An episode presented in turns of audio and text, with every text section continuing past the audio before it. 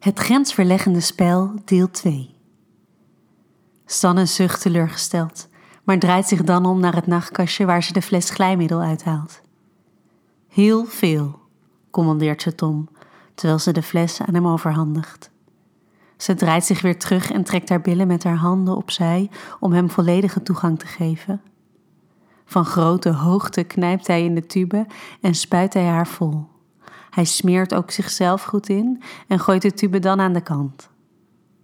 Half op haar zij wacht Sanne tot Tom achter haar komt liggen. Hij laat zijn lul eerst langzaam tussen haar billen heen en weer glijden. Sanne merkt dat ze geniet van dit gevoel, van zijn lul tussen haar billen, van de wrijving er langs en er overheen. Ze begint te kronkelen van genot. Een teken voor Tom dat ze er klaar voor is. Voorzichtig drukt hij van achter bij haar naar binnen. Gaat het? vraagt hij haar als hij halverwege is. Als ze aangeeft dat alles oké is, duwt hij zichzelf verder naar binnen, waar hij haar weer even laat wennen aan het overweldigende gevoel. Sanne merkt dat ze gespannen is en glijdt met haar hand naar beneden om zichzelf te helpen ontspannen. Terwijl haar vingers haar klit masseren, begint Tom voorzichtig heen en weer te bewegen. Als houvast grijpt hij haar heupen. Het strakke gevoel rond zijn lul en het heerlijke uitzicht laten de spanning in hem snel opbouwen.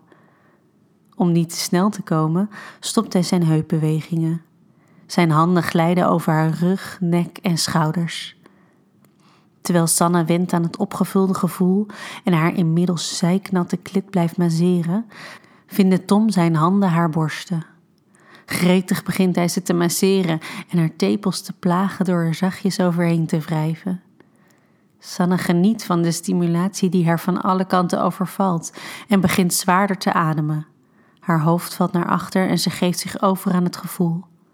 Met één hand nog steeds in haar borst grijpend en de andere hand om haar keel beginnen zijn heupen weer te bewegen. Sanne voelt de spanning in haar lichaam opbouwen. Hmm, ja, ga door. Nemen, ga door, verzucht ze door haar kreunen door. Gretig grijpt Tom haar nog steviger vast terwijl hij steeds minder voorzichtig in haar stoot. Het is lang geleden dat Sanne zich zo heeft laten gaan en hij geniet er met volle teugen van het uitzicht. Ik kom, ja, ik kom, ik kom, roept ze uit als ze alles voelt samentrekken.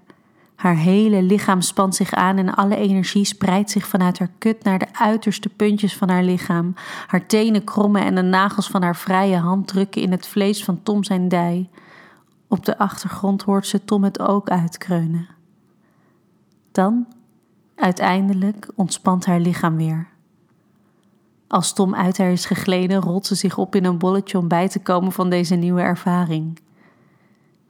Mijn god, wat was dat? lacht ze even later als ze naast elkaar liggen bij te komen. Ja, vond je het lekker? vraagt Tom. Een overbodige vraag, aangezien ze net schreeuwend is klaargekomen en haar nagels nog in zijn benen staan, maar hij hoort het graag nog even uit haar mond. Ze draait zich naar hem toe en kijkt hem diep in zijn ogen aan. Ja, het was wel even wennen, maar dit kunnen we best nog eens doen. Hij leunt naar haar toe en geeft haar een zachte, dankbare zoen. Dat was precies wat hij wilde horen. Dan kijkt hij haar weer aan. En uh, volgende week, hè? Had je al een idee hoe we dat gaan doen? Zo, jij hebt er zin in, antwoordt Sanne verbaasd. Ze is blij dat hij haar idee zo goed oppakt en ze moet zeggen dat de gedachte aan wat er volgende week op de planning staat haar doet opwinden. In een razend tempo gaat ze in haar hoofd af wie er een optie zou zijn voor de volgende week en hoe dit dan zou gaan. Ik heb wel een idee, maar ik weet niet of jij dat oké vindt, begint ze voorzichtig. Vertel, antwoordt hij nieuwsgierig. Ze komt een beetje overeind en leunt op haar elleboog terwijl ze dromerig over hem heen kijkt. Nou, ik zou Pim wel willen vragen ze durft hem niet aan te kijken als ze haar gedachten uitspreekt. Pim is hun ex-buurman. Hij is vier maanden geleden verhuisd, maar heeft jarenlang twee huizen verderop gewoond.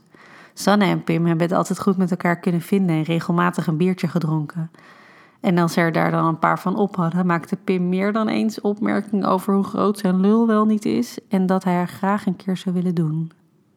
En hoewel Sanne dat altijd heeft weggelachen en nooit aan Tom heeft verteld wat voor toespelingen Pim allemaal maakte, moet hij vast gevoeld hebben dat er enige spanning tussen haar en Pim is geweest. Als er geen antwoord komt, vindt Sanne de moed naar haar vriend te kijken. Die staart bedenkelijk voor zich uit. Het is eigenlijk perfect, probeert ze haar uitspraak te onderbouwen. We kennen hem wel, maar komen hem niet elke dag tegen. Ze wacht even, maar Tom reageert nog steeds niet. En ik weet bijna zeker dat hij wel zou willen, zegt ze er dan voorzichtig achteraan. Weer blijft het even stil. Dan vinden Tom zijn ogen die van Sanne. Oké, laten we voor Pim gaan. Vraag jij hem? Sanne voelt een golf van opwinding door haar lichaam gaan.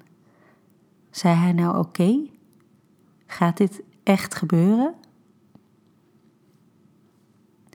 Wordt vervolgd.